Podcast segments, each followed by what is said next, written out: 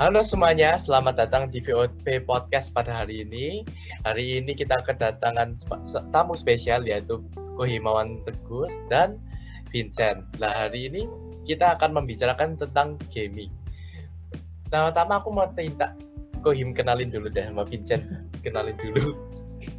Kenalin apa nih? Kenalin nama, terserah lah. Ngapain sekarang, ngapain sekarang juga. Game favorit sekalian atau ini ya, lagi main game apa? Ya ya boleh boleh.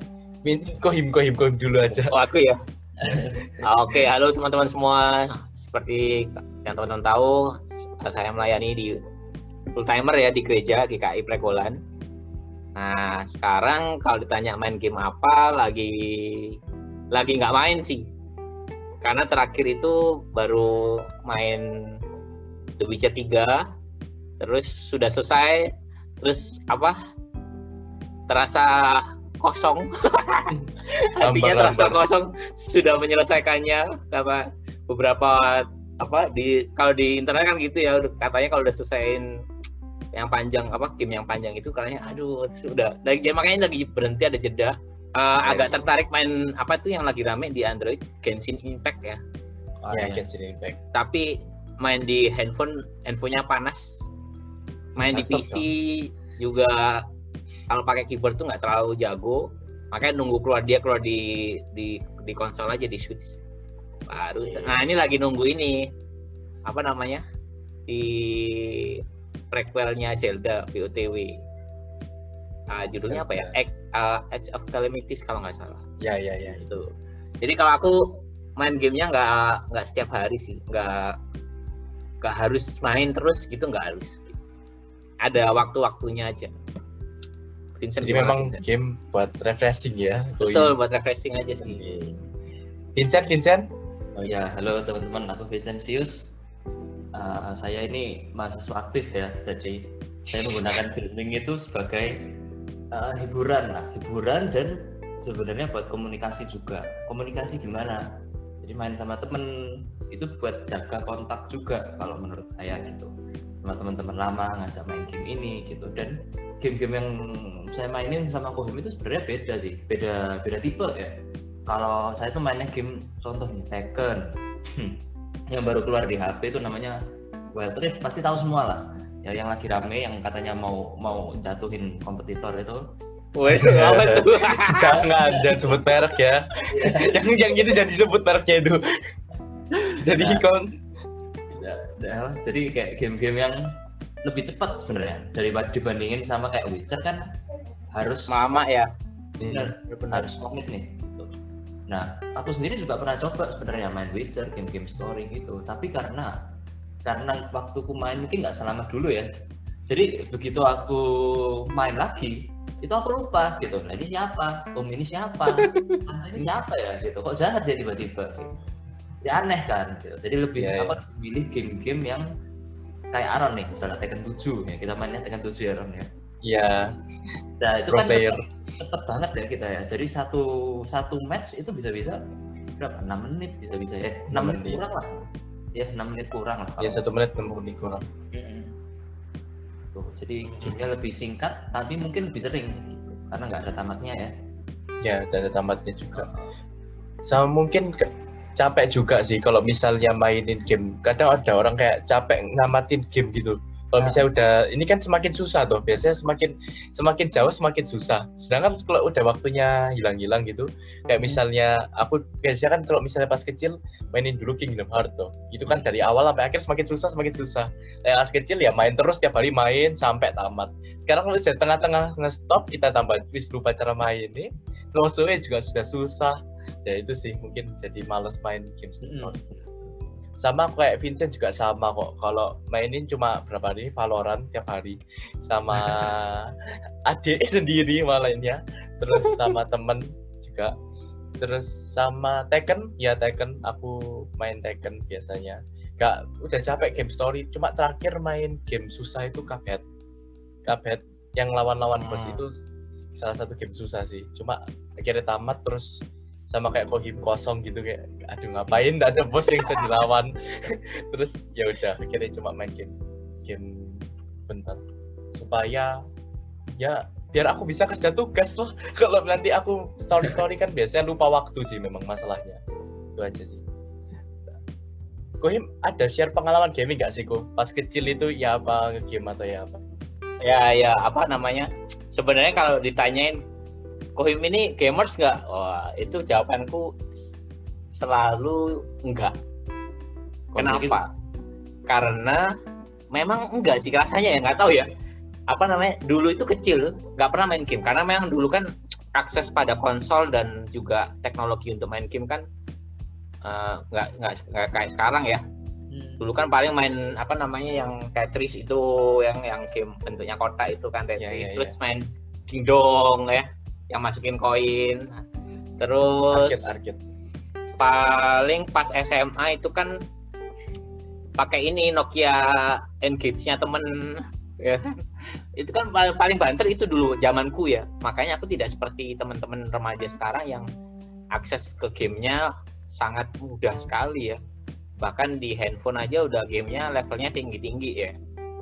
Lain. Nah menarik itu ini cerita aku waktu kecil itu mem karena dididik tidak boleh main game kalau baca komik boleh gitu dibeliin ada karena dulu nah zaman dulu tuh gini dulu kan main game itu paling rental di PS kan dulu menjamur sekali ya rental-rental PS1 tuh zaman-zaman itu. Main kalau yang bola itu terkenalnya sebelum FIFA Winning Eleven ya kalau nggak salah. Iya iya ada. Sama yang PS, apa PS. sih yang ah, ah. PS belum ada, PS belum ada kayaknya. Belum ada itu. Belum ada.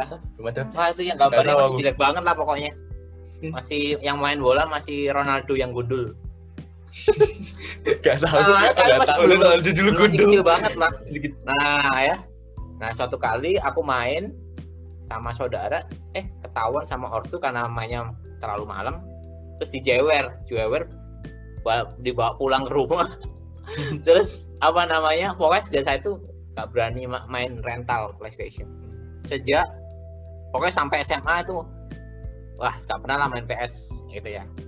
Nah baru main game lagi setelah ya dewasa ya setelah zaman zaman kuliah-kuliah akhir terus dengan dengan perkembangan teknologi uh, handphone mulai bisa dijadiin game yang kayak Angry Bird gitu kan game-game kecil ya game-game kasual ya, gitu kan mulai mulai populer ya dengan perkembangannya Android itu yang lebih ini jadi aku mulai lihat-lihat uh, apa ya yang menarik nah aku ini dulu waktu SMP itu suka main catur jadi sudah pernah sampai kejuaraan daerah gitu Ren Oh, serem. Waktu di Malang itu serem, peringkat, serem.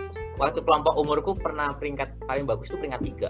Wah, jadi lumayan jago lah gitu kan. Lumayan lah, lumayan lah. Lumayan jago menurut di, di kota asal, tapi waktu di provinsi mah udah kalah.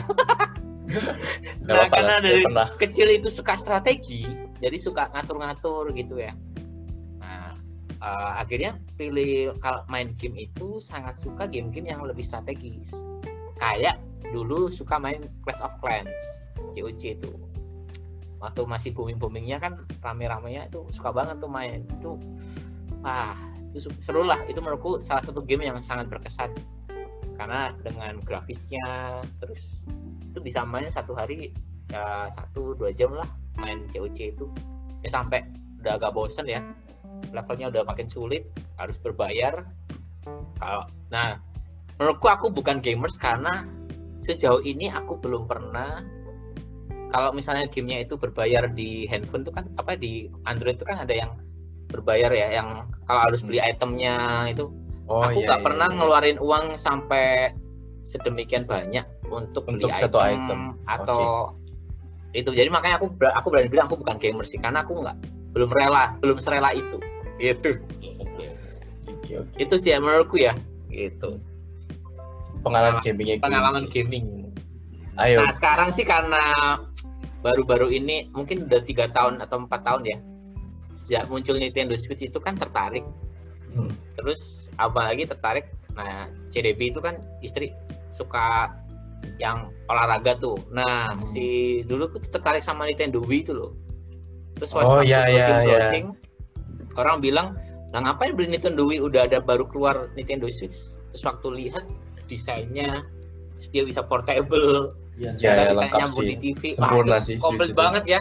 Terus Ya. akhirnya jadi tertarik punya itu nah jadi nah punya Nintendo Switch itu tertariknya karena game-gamenya dia itu yang ngajak gerak kan ada olah game-game olahraganya Kayak Just Dance itu nggak sih? Just Dance terakhir ini baru apa namanya main ini ini rame juga nih pas waktu pandemik ini Ring Fit Adventure Oh, ya yang pakai Ah, ring fit.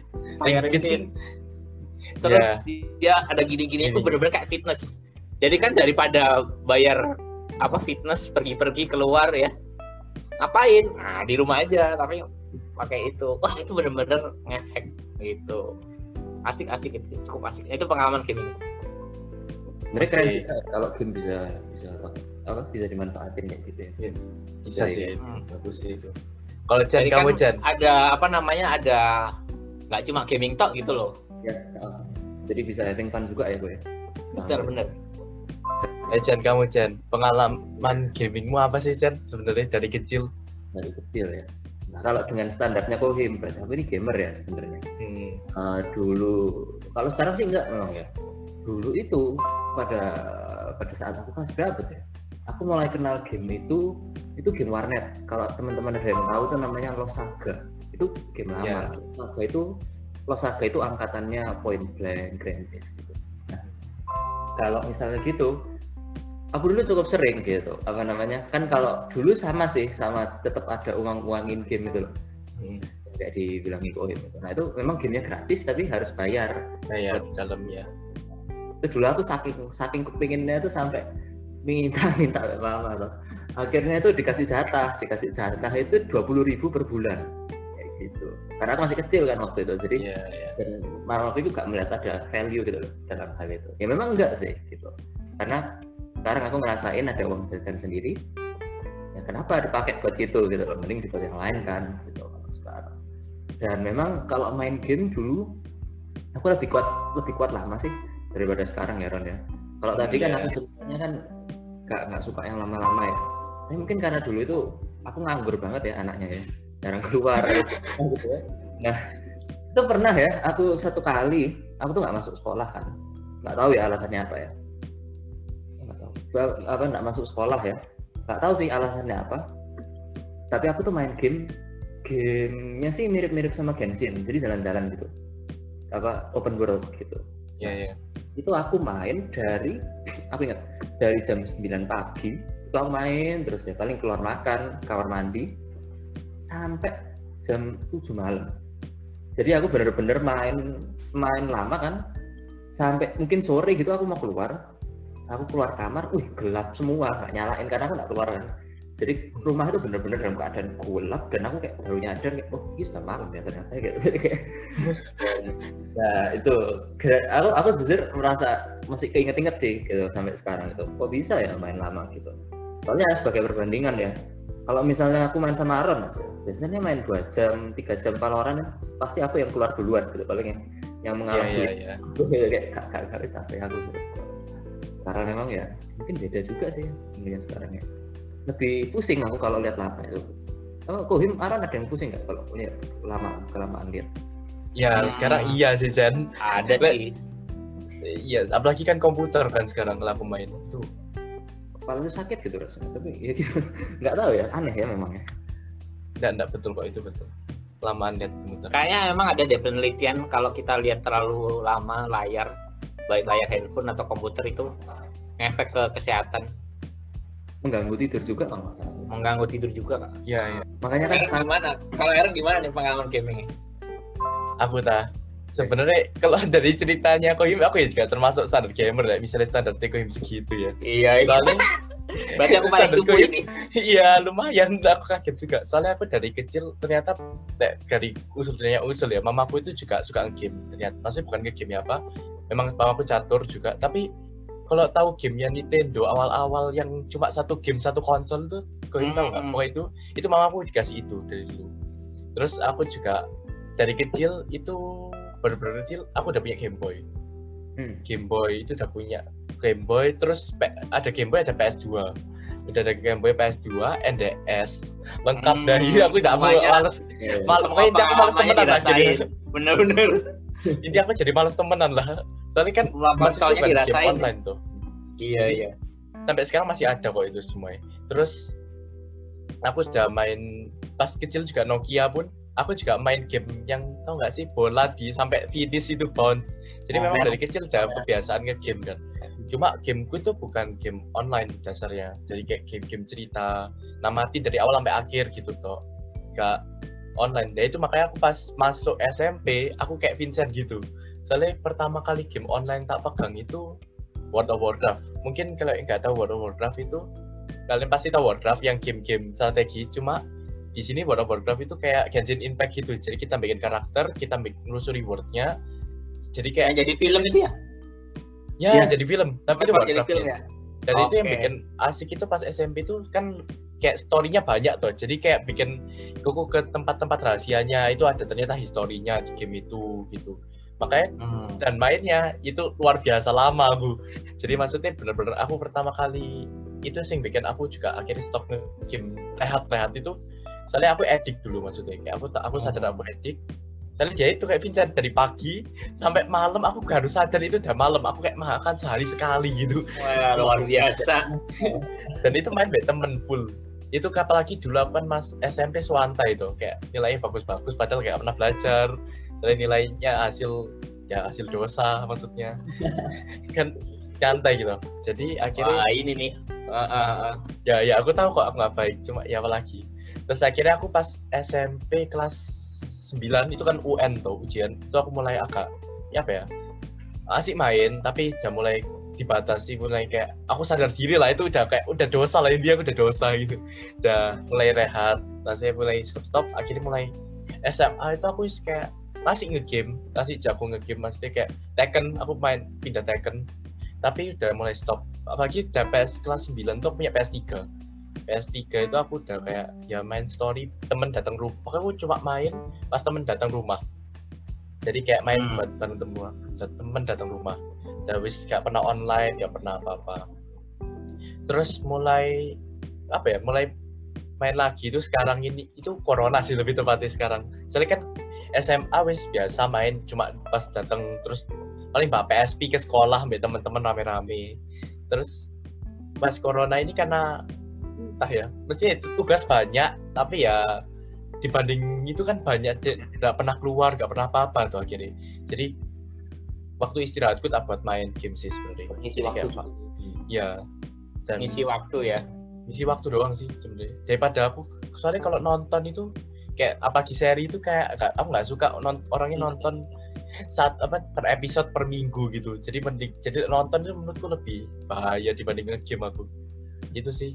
Jadi sekarang kegiatanku nge-game Oke Agak oke menarik. oh ya karena sekarang kita udah ngomongin sharing game ya menurutku him ada nggak sih kok game-game kontroversial itu kalau aku saya personal kan GTA terus Kayak gimana tuh? Game-game Game kontroversial. kontroversial itu kayak gini loh kayak ngelawan arus karena kita Kristen di sini jadi kayak ngelawan arus Kristen kok menurutku kayak Misalnya gimana? salah satunya itu kayak GTA menurutku Hmm. GTA itu kan sebagai kita di, disu- eh, diajarkan sebagai teroris toh Bu. jadi kan Hmm. kontroversial banget Be- bermain Terus? peran jadi teroris gitu ya? ya cuma sama sempet satu ini yang kita nanti bakal ngomongin lagi yang lebih jelas itu namanya Fight of God di mana Hmm. kita itu kayak sebagai game mungkin beberapa yang ngerti game fighting itu kayak Tekken itu kayak game fighting tapi karakternya itu karakter karakter dewa dan sorry to say di dalam karakter itu ada Yesus Tuhan Yesus sebagai Hmm. petarung nah kayak menurutku kayak salah satu ini ya anggota Tekken ya nggak Tekken tapi Yesus kali ini kan Waduh, ekstrim gitu kan. ya? Iya, iya, iya. tarung sampai serius gitu kan nah itu kan Hmm. kontroversial tuh terus menurut Him itu ya apa sih kalau ada game-game kontroversial itu Menurutku gini paling mungkin kita sebelum membicarakan game-game yang kontroversial itu kita perlu jelas dulu esensi game itu apa. Game itu kan kalau tadi kita bicara tentang pengalaman gaming kita, game itu kan sebenarnya permainan kan. Namanya permainan berarti dia fungsinya untuk bermain. ya nggak sih? ya, ya, Fungsinya ya, ya. untuk bermain. Nah, kalau Gitu bermain kalau kayak dulu waktu kecil masih tinggal di uh, apa namanya di rumah dengan teman-teman uh, di rumah orang tua kan ada belum ada dunia digital seperti sekarang kan kita main di komplek misalnya dengan permainan-permainan tradisional dan tujuannya apa coba? Tujuannya kan untuk refreshing sosialisasi itu ya. Menurutku sih salah satu aspek permainan yang yang penting sebenarnya sosialisasi. Itu kan anak-anak kecil kan belajar sosialnya ya dengan cara main. Kan nggak mungkin bersosialisasi ayo kamu temenan sama sana. Disuruh-suruh itu kan kalau nggak pakai gamer nggak pakai permainan kan susah. Terus yang apa tadi aku udah ngomong apa aja ya? Esensi permainan itu kan untuk main untuk bersosialisasi. yang ketiga untuk relax kan? Untuk senang-senang kan? Gitu. Nah aku pikir sebelum membicarakan yang kontroversial kontroversial kita harus lihat itu fungsi game. Kita main game itu buat apa dulu? Yaitu untuk ya untuk relax dari kesibukan ya. Terus untuk bersosialisasi untuk cari teman. Kayak Vincent tadi bagus tuh selalu main sama temen ya. Apa namanya? Pagi cowok-cowok ya kan mana eh curhat ya, yuk ya. gitu kan aneh ya. Iya iya iya. Lebih enak malah cerita. Kalau misalnya iya kan, di game kan sih. Ya, kalau betul, betul. kalau cewek di, ketemu di kafe terus ada yang nangis nangis hmm. terus dipeluk gitu kan masih ya udahlah cewek. Lah Nah kalau Aaron ketemu Vincent di cafe terus Vincent nangis-nangis terus dipeluk sama Aaron kan orang kan apa itu iya, apa itu kan ya, ya, ya, ya kalau cowok-cowok ya main game kan bisa bersosialisasi. Jadi mungkin kalau aku kita harus ingat esensi game itu sendiri adalah sebuah permainan untuk kita relax. Nah sehingga nanti kita ketika ngelihat game-game yang kontroversial sifatnya kita bisa lihatnya itu dengan lebih lebih utuh lah lebih lebih pas lebih komplit lah ya. Menurutku sih gitu Ren. Nah game-game kontroversial itu memang harus diakui sangat kontroversial ada yang kontroversial banget sih kayak GTA itu memang serem juga ya. Soalnya ada beberapa kasus katanya orang terinspirasi dari GTA ya, ya yang pengopoman atau penembakan di mana gitu ya di itu memang kontroversial sih menurutku secara ada game-game yang level kekerasannya dan level kekerasan dan lain-lainnya itu memang sangat sangat tinggi sekali. Nah menurutku dewasa. harus disikapi dengan dengan dewasa, dengan pas. Oleh karena itu aku secara pribadi sangat setuju melihat apa ya memainkan game itu harus sesuai umurnya, harus sesuai uh, kapasitas orang itu main. Jadi anak SMP atau anak SD jangan main GTA dulu lah, gitu. Ya, ya maka orang tua itu sangat berperan penting tuh dalam memberikan apa ya mengizinkan anaknya main game apa aja. Orang tuh harus tahu lah game game game apa aja yang dimainkan anaknya. Jangan ah oh, pokoknya biar nih anak diem pokoknya pengen game apa wis tak bayari gitu. Oh pokoknya kamu pengen game apa pokoknya sekolahnya lulus atau nilainya bagus pokoknya tak beliin kamu main game apa? Itu menurutku kurang kurang bahaya jadi orang tua harus tahu anaknya main game apa nih. Jangan sampai orang tua nggak tahu anaknya main game apa, terus ternyata uh, sadar nggak sadar anaknya sangat terpengaruh dan muncul sifat-sifat kekerasan, sifat-sifat ya kekerasan tanpa sadar gitu. Sadar nggak sadar itu menurut itu. Jadi menurutku kalau ngomong game kontroversial kita aku sih sepakat ada batasan dalam main khususnya batasan usia sama lah kayak nonton film kalau film itu kan ada batasannya, ada berdasarkan iya, usianya. Ya, ya. Janganlah itu anak-anak kalau di Indonesia apalagi kayak itu kan nggak terlalu diperhatiin ya. Waktu ya, ya. ramenya rame-rame nonton apa sih Deadpool ya? Wah, ada anak kecil pada nonton, padahal itu kan sadis banget. Wih, kayak superhero model ala-ala Marvel. Nah, kan Marvel kan nggak ada darahnya kan nggak ada. Nah, nah itu menurutku sih batasan itu penting kan. Kalau menurut Vincent, ya apa Jan? Kayak menurutmu tentang game-game kontroversial gitu? Hmm. Aku paling setuju sama Kohim itu memang caranya kita nyikapi ya. Jadi tergantung gimana kita itu tanggepi hal-hal itu. Gitu. Maksudnya gimana saja? Gini.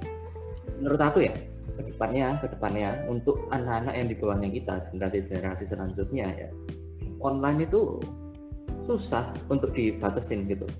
Kita nggak mungkin sama batasin. Kalau GTA nih kita kita ambil contoh. Temanku lah. Dulu itu dia punya PS3 kan mau dibeliin GTA mbaknya tuh ngomong sama papanya gitu. Kayak gini loh apa namanya game untuk orang dewasa loh om gitu. Jadi anaknya perhatiin no jadi akhirnya koncoku main sambil diperhatikan sama orang tuanya kayak gitu kan hmm, itu kayak bagus juga ya kalau dulu kalau sekarang kita ambil contoh game Mobile Legend ya, atau PUBG kita itu bisa chattingan sama orang yang nggak dikenal, bisa telepon sama orang yang nggak dikenal. Dan memang Ya. itu aku main Losaga dan game-game online lainnya itu sebenarnya banyak kosakata kosakata baru yang aku pelajari gitu loh, dari game-game itu. gitu. Jadi kayak benar-benar dan nggak mungkin kan orang tuaku apa namanya? Ah, iya. pasti semua itu kan nggak mungkin gitu. Mau ditutup semua katrok anaknya nanti gitu loh. Kasihan juga sebenarnya. Jadi memang memang paling bener itu kok kita jadi orang tua itu lebih baik ngasih satu pemahaman ya. Jadi kayak ya memang nggak mungkin lepas gitu loh dari orang apa namanya apa anggapan Jadi toxic toxic Iya, community itu yang mau nih. mungkin lepas gitu Satu sisi kan sebenarnya game itu sendiri tuh apa namanya ada positifnya kan, nggak semuanya negatif kan. Ya, ya, ya. Ada game-game yang kayak yang lagi rame Animal Crossing nih di Nintendo Switch. Itu kan kalau anak SD main bisa belajar bahasa Inggris di situ vocab-vocabnya. Terus bisa dia juga belajar bisnis kan jual beli gitu kan. Ya di mana dia Nah, jual, dia dapetin terus kan? dia jual. Nah, Iya. jadi menurutku memang ada game-game yang sebenarnya sangat baik, yang cukup baik untuk dimainkan. Tentu saja dengan pengetahuan orang tua gitu. Orang tua jangan pokoknya kasih alatnya, beliin konsolnya.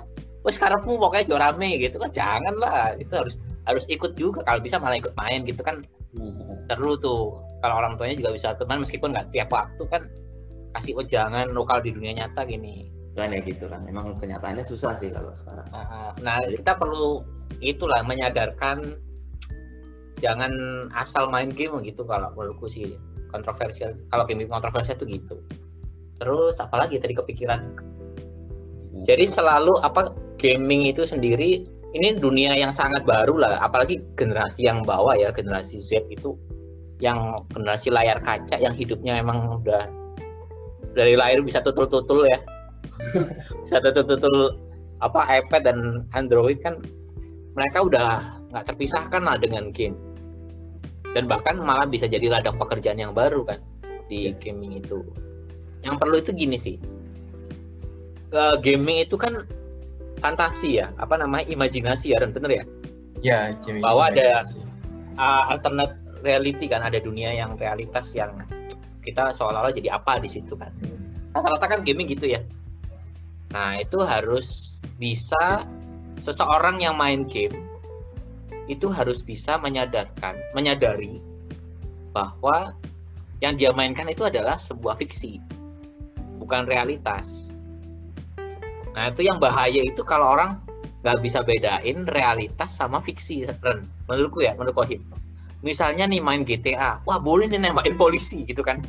Nah kan kalau di dunia nyata kan nggak gitu kan. Enggak kan. Bahwa Iya, ya permainan ya permainan gitu. Jangan jadiin itu realitas yang Karena paling bahaya yang paling bahaya adalah ketika kita main game itu nilai-nilai yang ada di game itu kita ambil sebagai nilai-nilai kehidupan kita sehari-hari. Misalnya di game itu boleh nyuri atau di game itu boleh meng- pokoknya ngelakuin segala sesuatu demi tujuannya berhasil misalnya. Nah, sedangkan di kehidupan kan nggak begitu. Gitu. Jadi uh, kalau ngomongin game-game kontroversial yang kedua selain omongan orang uh, orang tua tadi pembatasan menurut Kohim itu yang penting itu jangan sampai nilai-nilai utama hidup kita itu dapatnya dari game nah, itu bahaya Nah, nilai-nilai kebenaran utama dari hidup kita itu dapatnya dari game. Apalagi kalau kita orang Kristen nilai-nilai utama kita kan Alkitab. Gitu kan.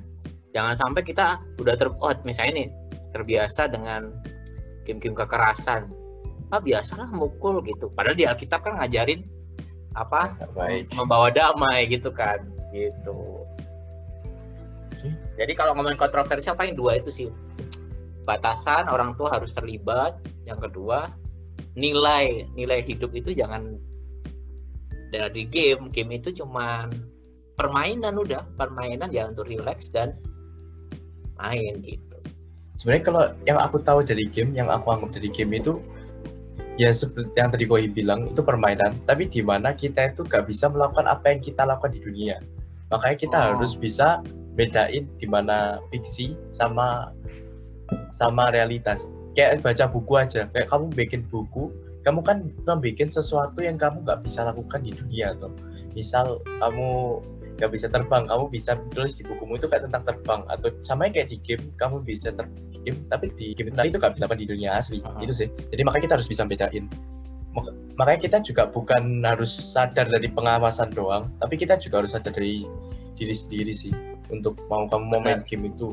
Tujuh, takutnya kamu kamu nggak bisa apa ngontrol diri kayak ah wiki nggak bisa yang tangkap ini sebenarnya game ini semuanya betul gitu itu enggak semua betul jadi jangan ini maksudnya kalau suka main game atau gamers jangan tenggelam di dunia game itu. Game uh, sehingga game dunia itu. yang nyatanya dilupakan. Nah itu gawat tuh. Kan banyak orang habis duit cuma buat main game doang. Ya kalau ngasilin duit lagi gitu misalnya. Iya. Kalau misalnya yeah. dia gamer profesional soalnya kan sekarang ada profesi gamer profesional tuh yeah oh iya aku. Sekarang karena kita tadi kan sudah bahas game kontroversial. Yang baru sebenarnya itu bukan baru-baru ini cuma aku itu pengen bahas aja gamenya Fight of God di mana ya itu tadi karakternya itu Yesus gitu kan. Kita sebagai orang Kristen lihatnya itu masih abu-abu gitu loh. Soalnya di sisi lain yaitu Yesusku ditaruh nombek dewa gitu serius tengkar Yesus gitu kan aneh gitu kan. Tapi di sisi lain ya itu kan yang aku tangkap itu bukan Tuhanku maksudku Yesus ya kak tengkar gitu maksudnya. Yesus gak gambar tengkar pakai kalau di game ya kan tengkar pakai anu tuh kayu salib tuh. Ya kan ya, aku nggak lihat Yesusku kayak gitu. Menurutku hip gimana sih kok misalnya kayak game kayak gitu. Gamenya Fight of God gitu kalau aku tahu. aku nggak main sih. Jadi cuma lihat uh, gameplaynya di di YouTube. Nanti hmm. Vincent ceritain ya. Biar Vincent kayak ya, main ya, kan. ya. gameplaynya ya, gimana yang kulihat memang jadi bisa main. Jajan. Menarik sih maksudnya menarik itu gini memang kontroversialnya itu menarik banget ya.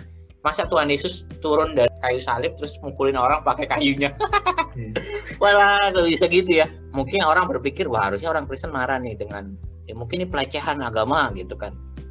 Pertama-tama kalau aku aku lihat ini sih developernya ini maksudnya apa nih?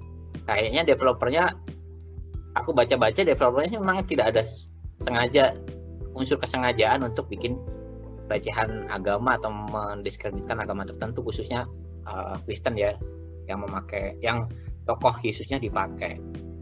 Terus yang kedua, nah kalau dari situ kita bisa ngelihat bahwa oh ternyata ini bukan orang Kristen yang tahu betapa sakralnya Yesus gitu. Nah, Sebenarnya kan dari zaman dulu sosok Yesus itu ada di dalam budaya-budaya ya digambarin dengan macam-macam ada kalau misalnya di dalam seni itu yang beberapa tempat terkenal itu uh, Banksy itu yang gambarin Tuhan Yesus belanja di kayu salib dengan tas-tas belanja Zara dan kawan-kawannya ya. Wah itu gimana tuh kalau kita melihat itu sebagai sebuah uh, karya seni ini ngelecehin agama kita atau ngelecehin iman kita nggak gitu? Itu kan sebuah pertanyaan lagi gitu jadi karya seni karya seni yang memakai sosok Yesus itu sudah sudah ada sejak lama lah nah pertanyaannya apa sikap kita kan tadi kayak Aaron nanya kalau aku sih ngelihat yang harus kita sadari bahwa orang-orang ini nggak tahu Yesus yang sebenarnya. Wah, jadi kalau benar kata Aaron tadi, ini bukan Yesus yang kita kenal di dalam Alkitab. Kalau Yesus yang kita kenal di Alkitab kan, yang pasti Tuhan Yesus nggak turun dari kayu salib. ya ya mati di kayu salib kan mati ya Yesus mati dan kemudian dibangkitkan pada hari yang ketiga.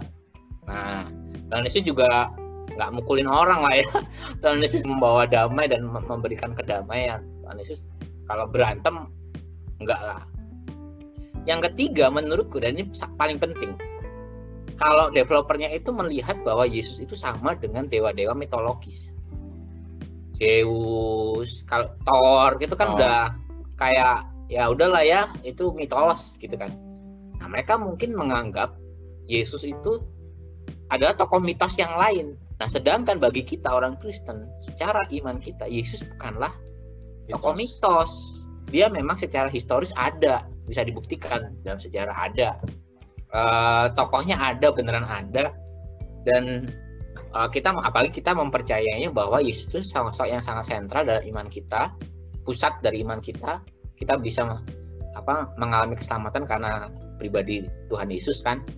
Jadi bagi orang Kristen tidak bisa tidak boleh melihat Yesus itu sama dengan tokoh-tokoh mitologis lainnya gitu.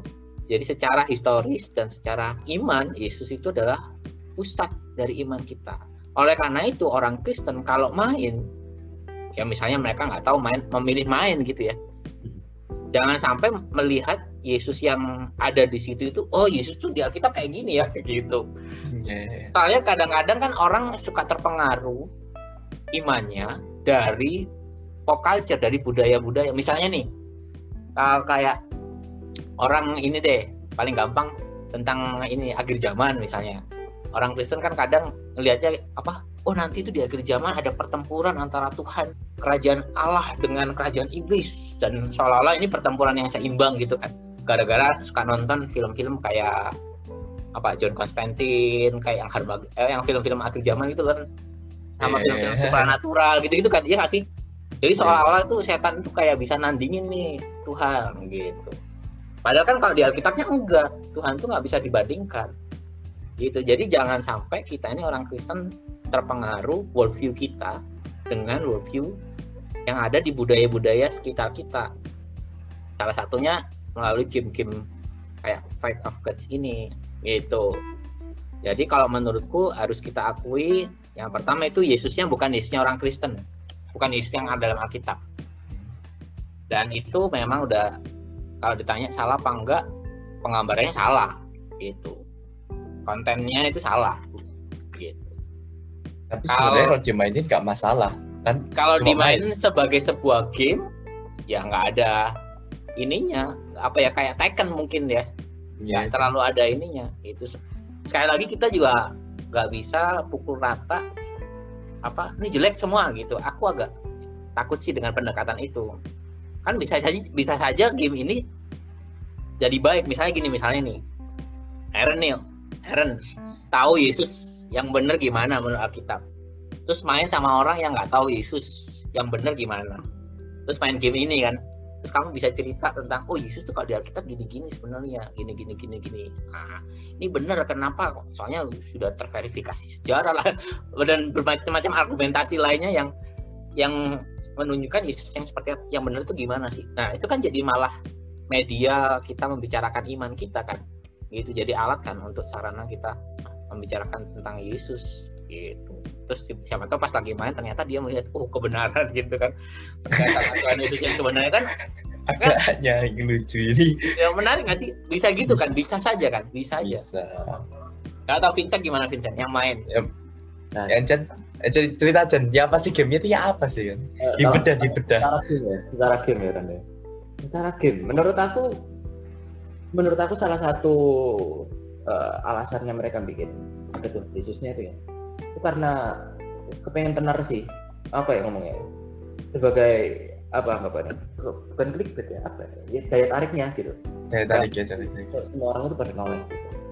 Nah, tapi menurut aku di luar itu sebenarnya nggak sebagus itu game biasa apalagi kan kita main kan Ron kayak Tekken gitu ya. Tekken Street Fighter kita main ya toh. nah kalau mau dibandingin sama yang memang ya memang lah beda pengalaman lah ya. Tapi punya mereka nggak sesama jadi secara game nggak sebagus itu gitu memang benar-benar tujuannya mereka itu menurut aku eh, cuman kepengen cari perhatian aja gitu supaya kita ya kayak sekarang gini kan kita akhirnya jadi penasaran kan game apa terus Hmm. orang-orang aku kejebak ya download deh akhirnya gitu. Dan, apa namanya ya sekarang kalau aku aku aku boleh komen bener gak ya kayak so, Ya terserah, terserah. Kan Boleh lah. dia kan semua pribadi gitu. ya opini boleh boleh boleh. Apa nih? Apa nih? Iya. Kalau menurut aku sih itu terserah kita sih gitu loh. Mau lihatnya itu gimana? Karena jujur aja ya, aku yang main, aku nggak jadi ngeliat dewa-dewa yang lain di sana itu jadi kayak wah cupu ya dewanya gitu. Enggak gitu. atau atau malah yang lebih parah lihat Tuhanku dewa. Tuhanku kok ngene gitu. Enggak sih gitu. Enggak ada pikiran kayak gitu. Karena aku sebagai orang yang main ya having fun aja gitu. Jadi kayak aku ya, ya, ya lucu juga sih ini gitu kayak dan setelah itu ya sudah ya lupa gitu sekarang bukannya kalau aku lihat wajahnya Tuhan Yesus satu lihat salib itu wah ya ingat Fight of Gods ya enggak juga gitu loh biasa aja gitu. jadi menurut aku memang benar dan benar poin tadi kayak kalau misalnya dia lihat sebagai mitos ya toh ya sebenarnya kita juga sering loh melakukan hal-hal yang kayak Debate of Gods ini. Kita ambil contoh apa? Eh, Odin.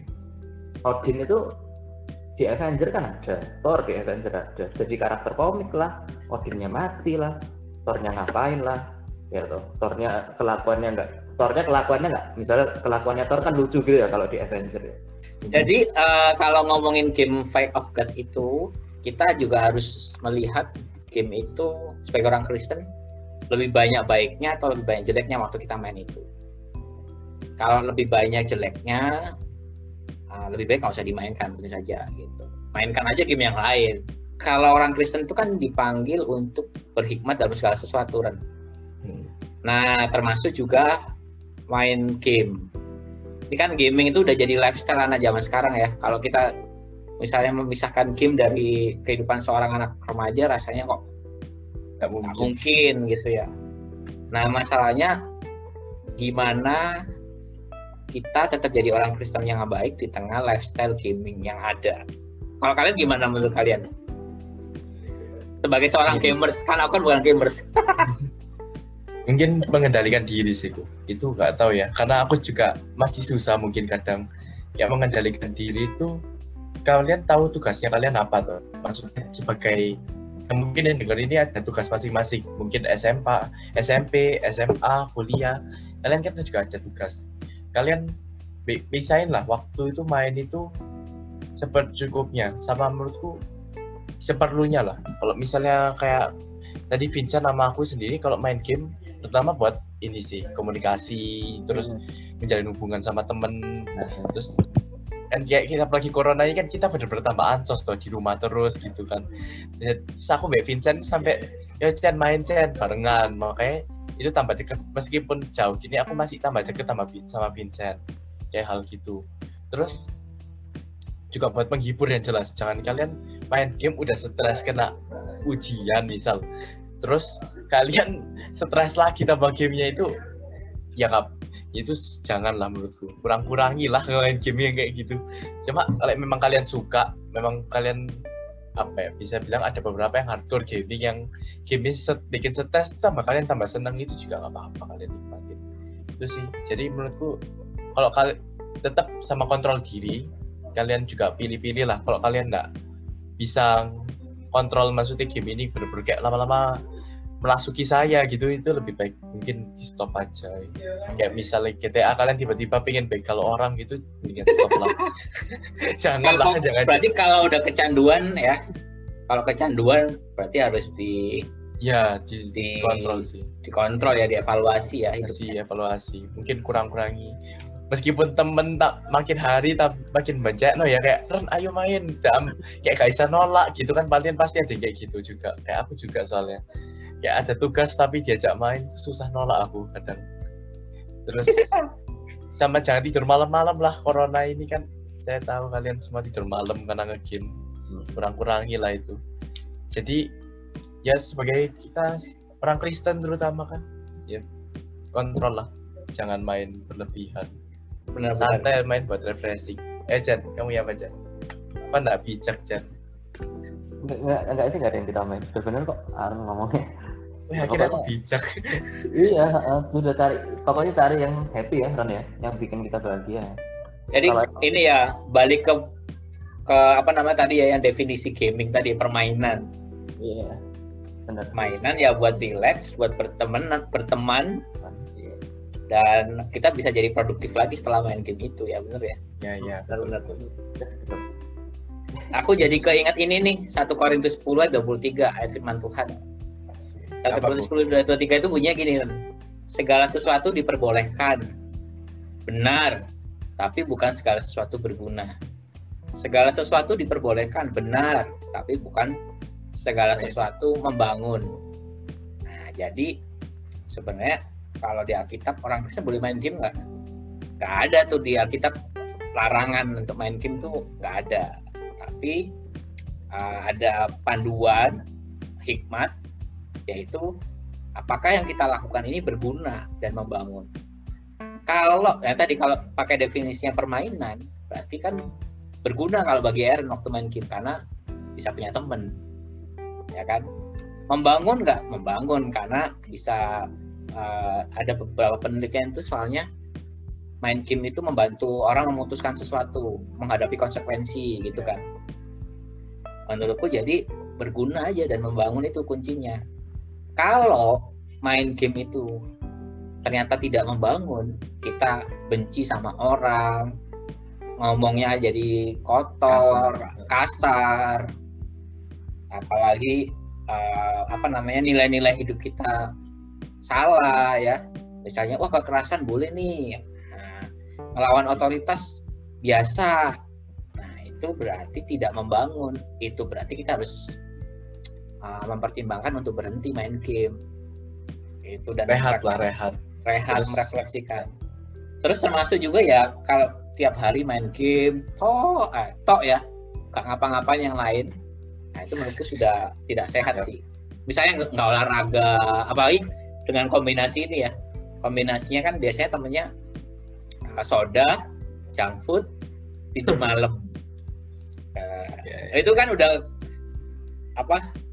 Udah nggak sehat banget tuh. Itu tidak membangun dan tidak berguna kalau menurut Pohit. Jadi kalau ngomongin lifestyle orang Kristen dan gaming, panduannya itu sih.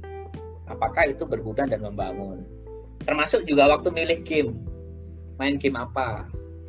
Kalau gamenya tidak membangun diri kita, aku rasa sebaiknya tidak usah dimainkan.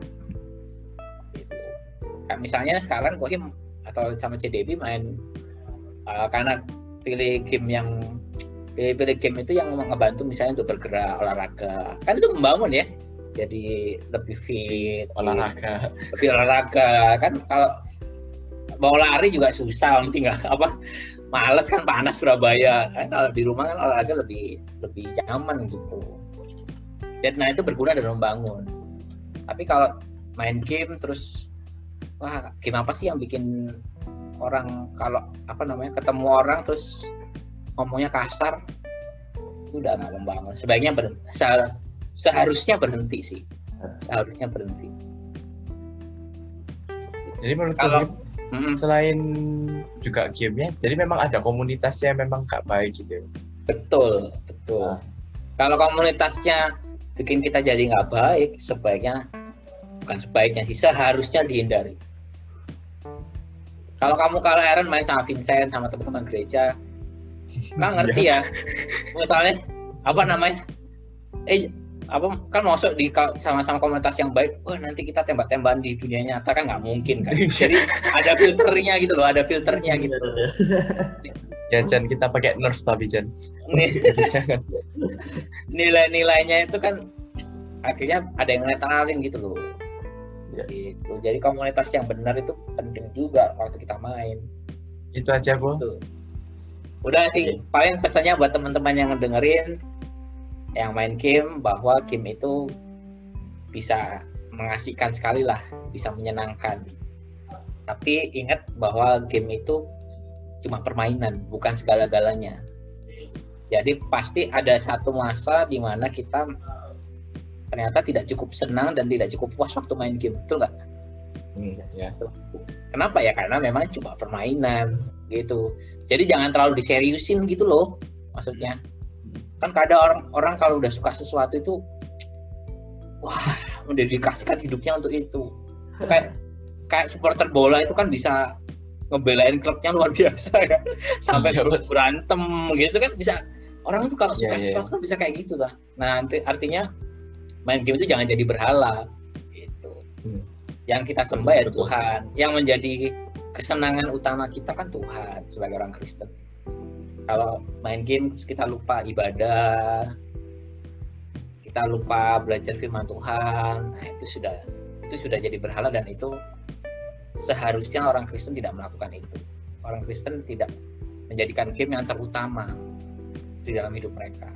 Tapi kalau ternyata kita pakai game itu untuk kembali lagi ke definisi tadi untuk relax, berteman, bahkan bisa jadi media Kerja. untuk memberitakan apa namanya memberitakan Injil wah misalnya kan dengan komunitas-komunitas gaming Kristen yang baik wah main game tapi kompetitif tapi kan nggak misu-misu kan menarik ya. Oh bisa ya ternyata main game gak misu-misu gitu kan. Susah ini susah. Dan itu senang-senang aja. Nah itu kan menarik. Ya, ya kan itu ya sih menarik. menurutku uh, itu. Jadi pakai game itu benar-benar cuma alat dan sarana. Jangan diserius-seriusin gitu loh. Jangan disembah. Dah itu aja. Sekian podcast hari ini. Saya tutup di sini. Makasih